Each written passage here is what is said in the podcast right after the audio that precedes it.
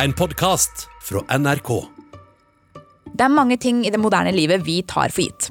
Rulletrapper, skyvedører, trafikklys som sørger for at vi ikke krasjer, og strekkoder. Du veit, de der hvite og svarte strekene som ser ut som ja, en slags skyline av skyskrapere på avstand. Eller de ser jo egentlig bare ut som hvite og sorte streker. Men hvem fant opp strekkoden, og åssen funker den?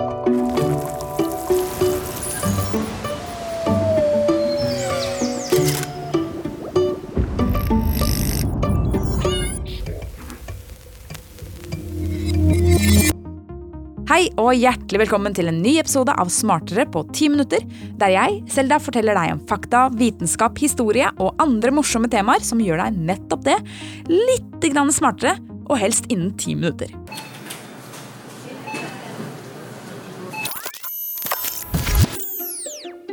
Finn fram vareskanneren og bli med meg på en digital handletur. Her skal det skannes. Når du blir født i Norge, så får du et personnummer, som sier hvem du er og gir informasjon om deg. En strekkode er på en måte en vares personnummer. Akkurat som at personnummeret oppgir en persons bursdag, gir strekkoden opplysninger om varens bursdag. Altså Nå viser jeg meg hermetegn her, det gjør seg ikke så veldig bra på radio, men dere skjønner hva jeg mener. Når varen ble født, står i tallkoden på strekkoden. Strekkoden identifiserer varen uansett hvor i verden den blir sendt. Det finnes over 200 forskjellige strekkodesystemer, men mest utbredt er systemet vi kjenner fra varene i våre butikker, som selger alt fra dagligvarer til slalåmski. Den såkalte EAN-koden. EAN står for European Article Number. Den europeiske koden har en søstermodell i USA, der den kalles for UPC. Universal Product Code. Men bortsett fra navnet er de to kodene helt like. Og det er litt sånn typisk USA. Skal alltid ha ting på sin måte. Er det ikke litt rart at de har et eget navn på alle måleenhetene, i stedet for å bruke det praktiske metriske systemet hvor alt går opp i 100? Jeg mener, come on! Unnskyld. Det var en digresjon. Jeg skal roe meg ned. Tilbake til strekkodene. Strekkodesystemet benytter seg av det binære tallsystemet, datamaskinenes språk. Det binære tallsystemet, som også kalles totallssystemet, skriver alle tallene som en kombinasjon av nuller og ett-tall. Dere husker sikkert det fra The Matrix, der de grønne tallene vrimler over skjermen i nuller og ett-tall. Det er totallssystemet. De mørke strekene i strekkoden er ett-tall, mens de hvite mellomrommene er nuller. Hvis en mørk strek er tykk, betyr det at det står flere ett-tall etter hverandre. Og på samme måte angir tykkelsen på de hvite mellomrommene antall nuller. Derfor har de ulik bredde. Er smart?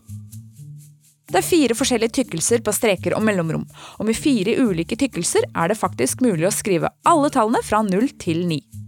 Når varen dras forbi skanneren i kassa, så avleses strekkoden av en laserlysstråle på under ett sekund.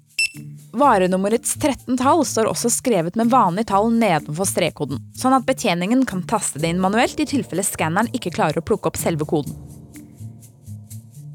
Superfort ut fra dette nummeret slår datamaskinen varen opp i butikkens store oversikt over alle produkter den har, og utstyrer den med den prisen og det navnet som står i denne oversikten.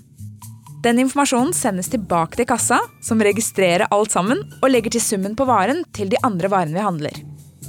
Men hva står egentlig de 13 tallene på strekkoden for? Ok, ok, hør på dette her. To første tallene i strekkoden er en landskode som forteller hvilket land de som har laget produktet, hører til. 70 det er landskoden for Norge, så da kan du jo sjekke selv neste gang du er i butikken om varen er produsert i Norge eller ikke. Se etter 70. Deretter følger det fem sifre som forteller hvilket firma som har produsert varen. Hvis vi skal bruke Tine som eksempel, så har de tallene 38010. De neste sifrene er selve produktets egen kode. Skummet melk har f.eks. koden 00215. Det siste sifferet i strekkoden er et kontrollsiffer som sjekker at de andre sifrene er blitt skanna eller tasta inn korrekt. Og det sifferet, kan variere. Det er nemlig sånn at det ene sifferet er sifferet som må legges til de tolv andre sifrene for at summen av hele strekkoden skal kunne deles på ti. Datamaskinen gjør lynraskt ut en utregning som gir et galt resultat hvis bare ett enkelt siffer i varenummeret er feil. Da går ikke totalen an å dele på ti. Som mange andre ideer ble også denne til på det mest analoge viset. Med en pinne og sand. I 1948 så fikk doktorgradsstudenten Bernard Silver nyss i at den lokale butikkjeden Foodfair ønsket seg et system for automatisk å lese produktinformasjon under kassa. Silver fortalte kameraten Norman Joseph Woodland om det han hadde hørt, og sammen begynte de å jobbe med en rekke ideer.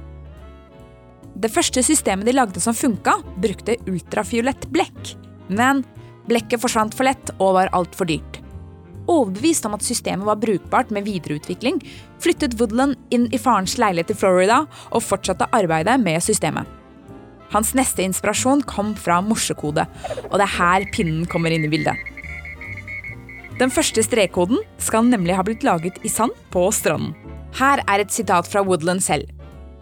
Jeg bare forlenget prikkene og bindestrekene fra morse og lagde smale og brede linjer ut av dem.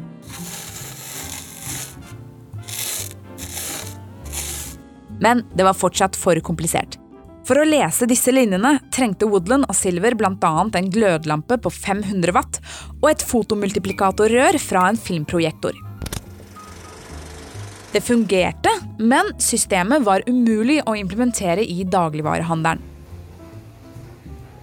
Woodland og Silver tok patent på systemet i 1952, og solgte det deretter til elektroselskapet Philco for 15 000 dollar, tilsvarende 84 000 kroner. De visste at teknologien de trengte for å realisere ideen i stor skala, ikke fantes på den tiden, men var overbeviste om at systemet en gang i framtida kom til å dominere varehandelen. Og selv om utviklinga hadde mange tilbakeslag, så fikk de rett til slutt. Laseren som ble oppfunnet i 1962, var den utløsende faktoren for masseproduksjon av strekkodesystemet. Laseren òg var sånn tilfeldig oppfinnelse. Den første strekkodeskanneren ble installert i 1974 i et supermarked i staten Ohio i USA. Det første produktet som fikk strekkode og ble registrert på måten vi kjenner i dag, var den amerikanske tyggegummen Wrigley's.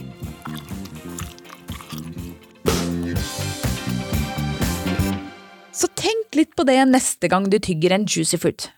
For på en finurlig måte er du da en del av historien. Så, mine børn, gå nå ut i verden med denne nye informasjonen du har lært deg, på jakt etter det norske tallet 70, eller for å sjekke om kontrollsifferet på strekkoden gjør at totalen lar seg dele med 10. Folk kommer til å se så rart på deg. Vi skannes!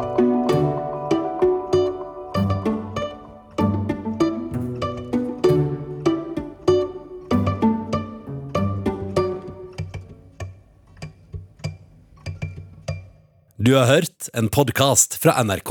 Hør flere podkaster og din favorittkanal i appen NRK Radio.